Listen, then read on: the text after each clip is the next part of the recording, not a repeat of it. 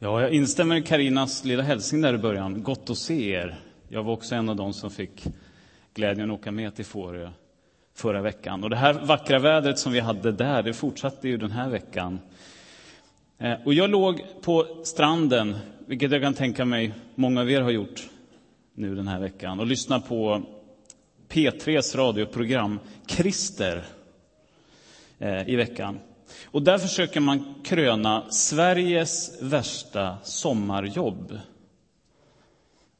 Och det är ett ganska intressant eh, litet program där. De ringer in och berättar om de mest märkliga jobb som man har under sommaren.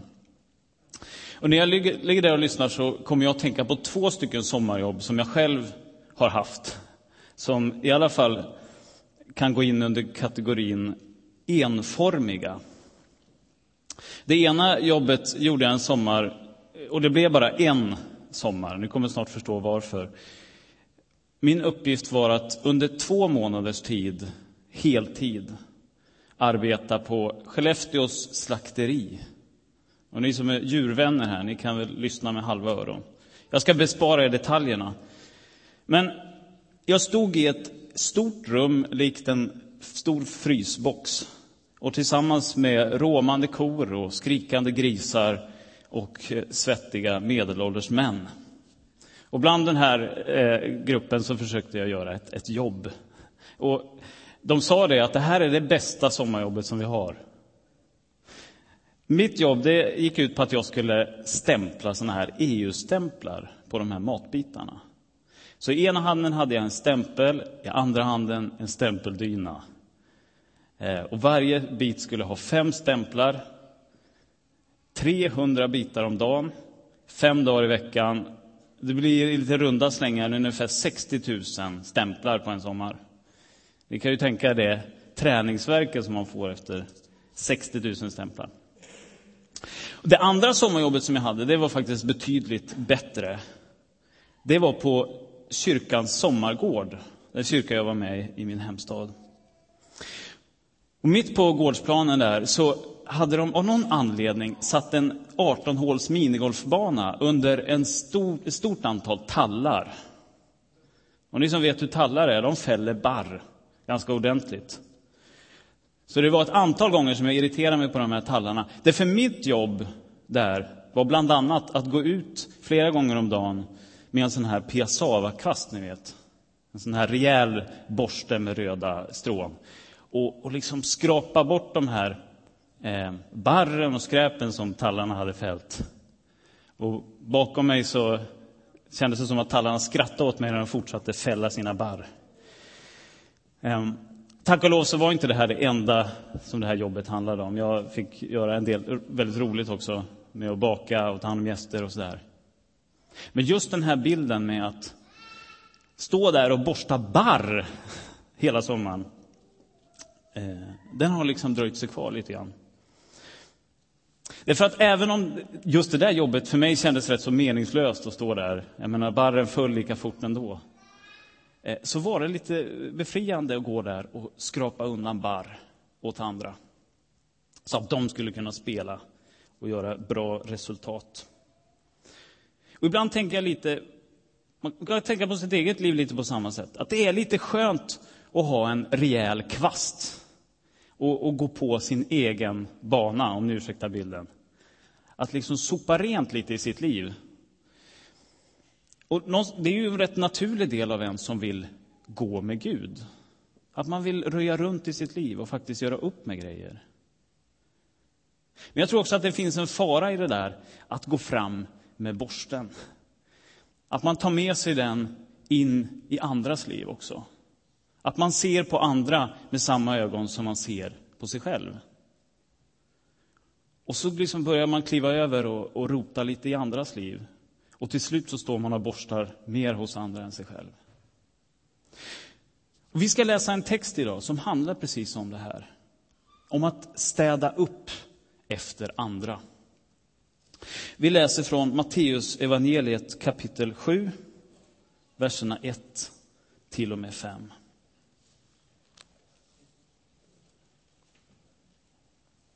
Och ni hittar det här på sidan 681.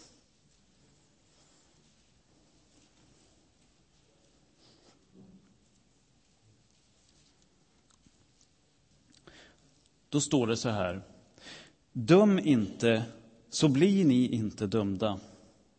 Ty med den dom som ni dömer med ska ni dömas. Och med det mått som ni mäter med ska det mätas upp åt er. Varför ser du flisan i din broders öga när du inte märker bjälken i ditt eget?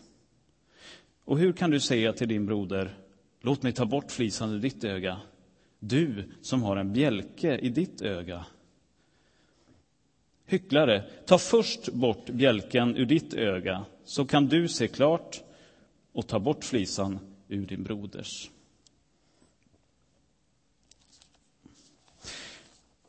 Ja, Jesus är vid det här tillfället ute och vandrar. Då det börjar strömma folk till honom, där han är ute och går. Fler och fler ansluter till gruppen runt Jesus. Därför att de har fått höra att den här Jesus, som fariseerna och de skriftlärde under lång tid har pratat om, nu har kommit. Och man ville nu ta reda på om den här mannen verkligen var den som skulle upprätta Israel, Guds eget land, och återta makten till folket. Det var man intresserad av att ta reda på. Så fler och fler anslöt och gruppen växer sig stor. Och för att alla nu ska få plats som går där med Jesus så tar han med sig hela den här gruppen upp på ett högt berg. Och där sätter sig alla ner, ungefär som ni sitter nu. Och så börjar Jesus berätta.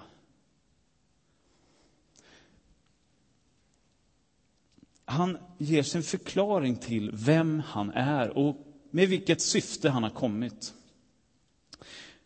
Och Jesus han talar om ett himmelrike som ska nå den som visar omsorg om sin nästa. Som är generös, som är ärlig och kärleksfull och god. Det är den bild av Gudsriket som Jesus målar upp där uppe på berget. Och människorna som hör det här, de häpnar inför Jesu undervisning. Det här har de aldrig hört tidigare. Och bredvid den här godhetens bild så målar Jesus upp en annan bild. Det är domen som drabbar dem som hatar sin broder, som förleder sig själv och andra och väljer det onda. Och så är det som att mitt i de här två bilderna så stannar Jesus upp. Och det är där vi är nu.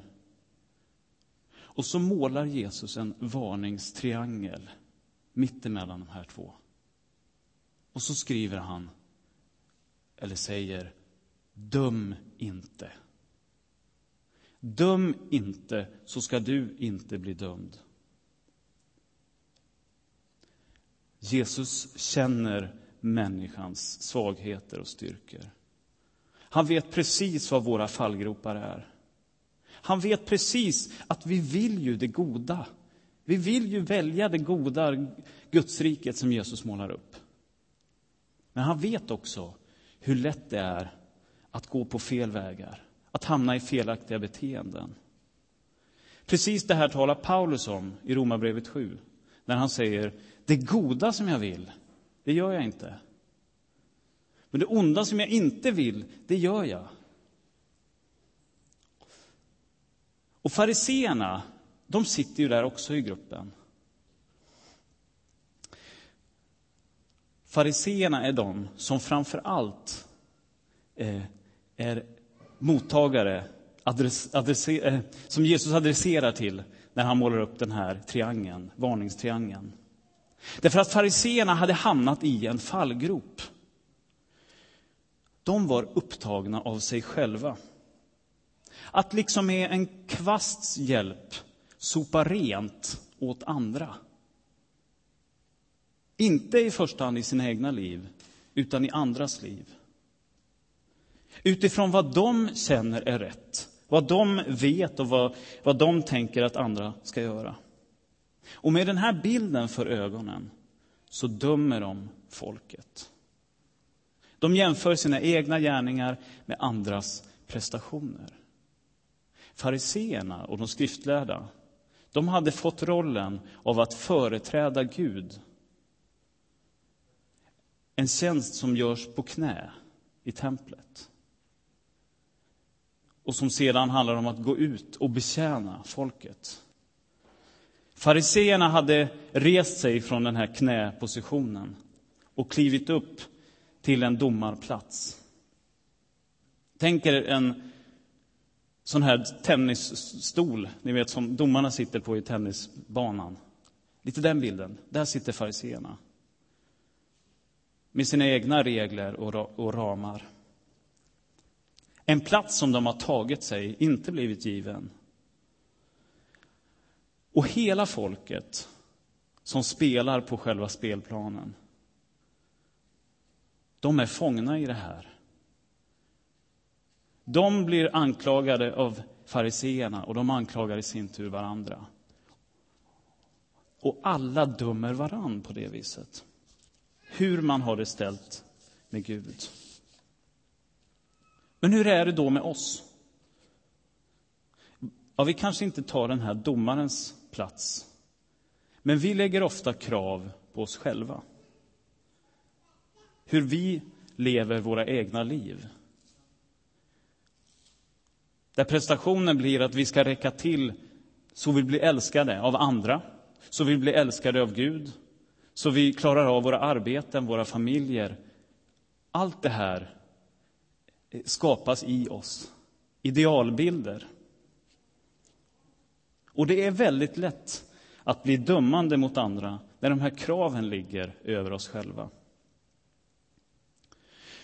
Så Jesu uppmaning i det här, det är ju befrielsens uppmaning. Döm inte, så ska du inte bli dömd. Din uppgift, det är att göra Jesu liv till ditt liv. Det betyder att du ska inte göra dig själv till måttstock för andra. Låt inte dina åsikter, eller dina känslor eller dina bibeltolkningar bli det som andra ska rätta sig efter. Döm inte dem som inte lever upp till dina ideal. Jesus är väldigt, väldigt tydlig på den här punkten. Dra inte snabba slutsatser om andras motiv så att du kritiserar och dömer andra.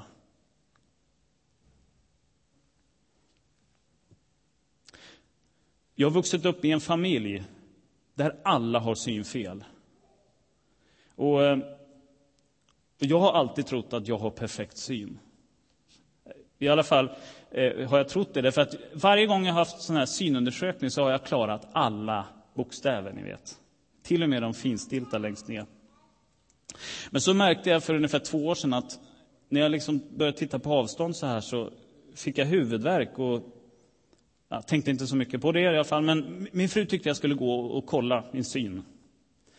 Eh, jag tyckte det var ganska onödigt eftersom jag visste med mig att jag, jag har ju verkligen perfekt syn. Åtminstone för åtta år sedan hade jag det. Så, så det måste ju gälla idag. Ja, jag gick motvilligt och testade synen i alla fall.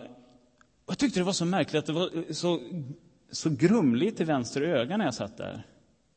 Och jag minns att jag sa till, till optikern så här, vänta, jag ska bara gnugga mig i ögat så det dimmiga försvinner. Så det var som att det var, ni vet, man vaknar på morgonen och det är lite så här. Men det försvann ju inte det där.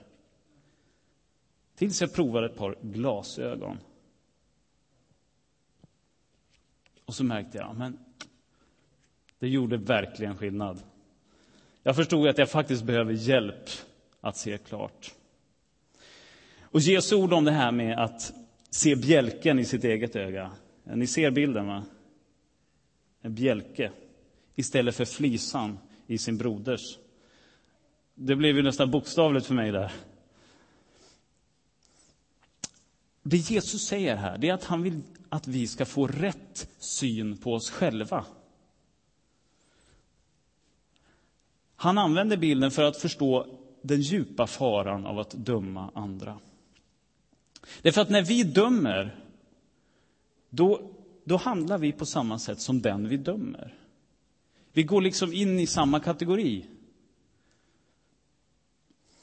Jesus sinnelag, det är att, att ha en förlåtande attityd mot andras brister. Och att Jesus målar den här varningstriangeln mitt emellan Gudsriket och domen. Det är ju just därför att vi riskerar att rikta blicken på oss själva, våra egna prestationer istället för mot Gud. Att försöka få värdet och idealen vi har för oss själva att gå ihop genom att se på andras brister, andras fel, andras tillkortakommanden. Istället för att korrigera oss själva i relation till Gud.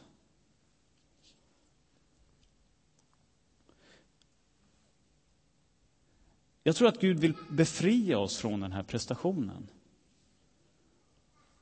Och det handlar väldigt mycket om att på djupet få uppleva Guds nåd.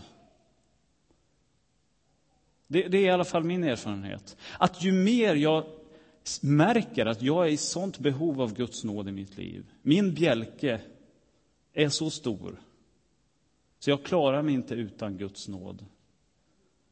Först då så blir min barmhärtighet mot andra verklig. Den kommer liksom från djupet. Guds nåd gäller mig och den gäller andra. Därför när Guds frid bor i oss, när det är djupt rotat i oss, då försvinner också behovet av att döma andra människor. Det tror jag är Jesu poäng här. Och Jesus vill att det här ska vara vår utgångspunkt. Relationen med Gud, jag och Gud, Guds nåd i mig till andra människor. Men stannar Jesu uppmaning, stannar den där? Att det handlar om mig och Gud? Nej, vi läser vidare i texten.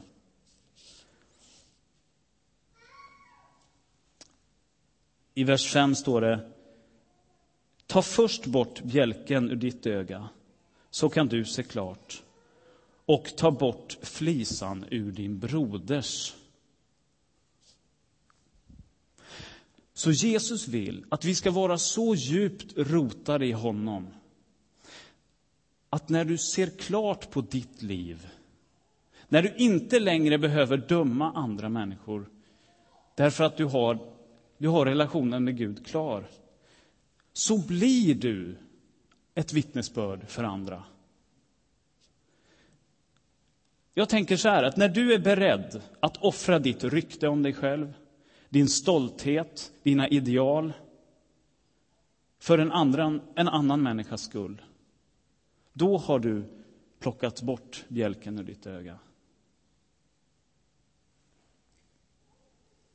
Då är du redo att föra någon annan på rätta vägar. Det är Jesu poäng. Därför jag tror inte att någon har förts till Kristus genom att förebrås eller dömas. Nej, det finns bara en väg enligt Jesus och det är med kärlek och med omsorg. Därför i kärleken och omsorgen så kan många synder övervinnas. Tänk på bilden igen. Jesus tar kvasten som fariseerna har fått fram med i folkets liv och, och försökt rensa upp efter eget huvud. Den kvasten tar Jesus och kastar åt sidan. Och så tar han istället penseln och målar upp bilden av Guds rike. Ett rike där de som sörjer, de som är ödmjuka och de som är förföljda inbjuds till hans rike. Jesus säger själv, kom till mig så ska jag ge er vila. Tänk er det budskapet till människor som har suttit i fångenskap, bokstavligt talat. Kom till mig så ska jag ge er vila. Jesus målar en bild av en ljus framtid bortom den här tiden. Där skapelsen åter ska brukas till Guds ära. Där, i den bilden, vill Jesus ha oss. Och det är den här befrielsens bild som jag försöker måla upp för er, som, som Jesus vill se återspeglad i vår egen karaktär.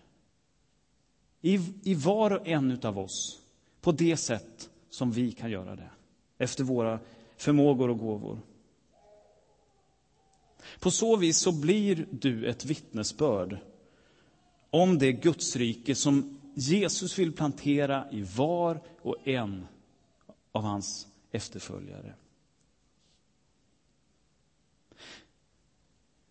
Men viktigt är att Jesus kallar oss vid namn att följa.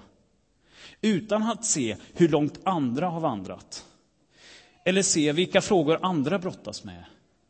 Det är inte vårt uppdrag. Utan Jesus kallar dig personligen att följa.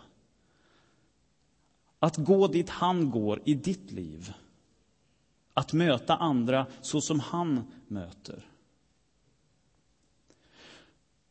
Så Jesu uppmaning i den här texten tror jag är att det liv som, som vi har, Eh, som vi får i mötet med Kristus, ska få bli ett vittnesbörd om vilken doft det är kring Kristus.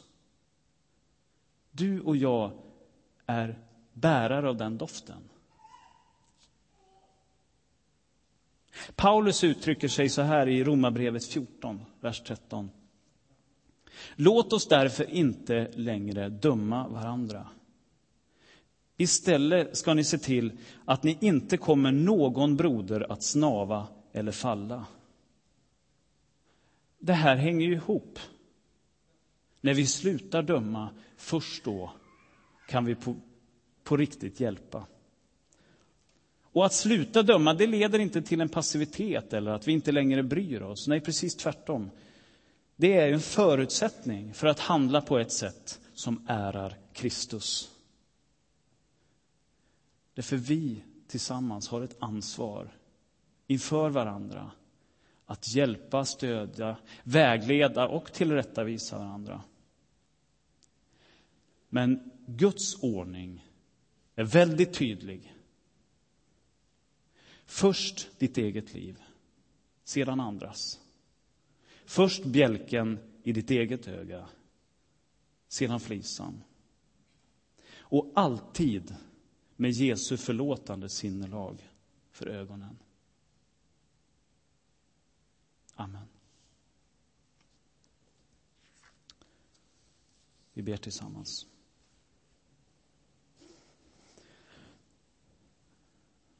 Tack Jesus att vi får möta dig i den här texten, i den här händelsen och lära känna ditt hjärta, din puls, din omsorg om de svaga och utsatta, om oss. Hjälp oss att lägga prestationer och krav åt sidan. Hjälp oss att se dig, att få uppleva vår fulla omsorg genom dig, Jesus Kristus. Hjälp oss att lägga ner våra liv i dina händer Låt oss bli den doft som du kallar oss till för andra. Tack att vi får gå med dig. I Jesu namn. Amen.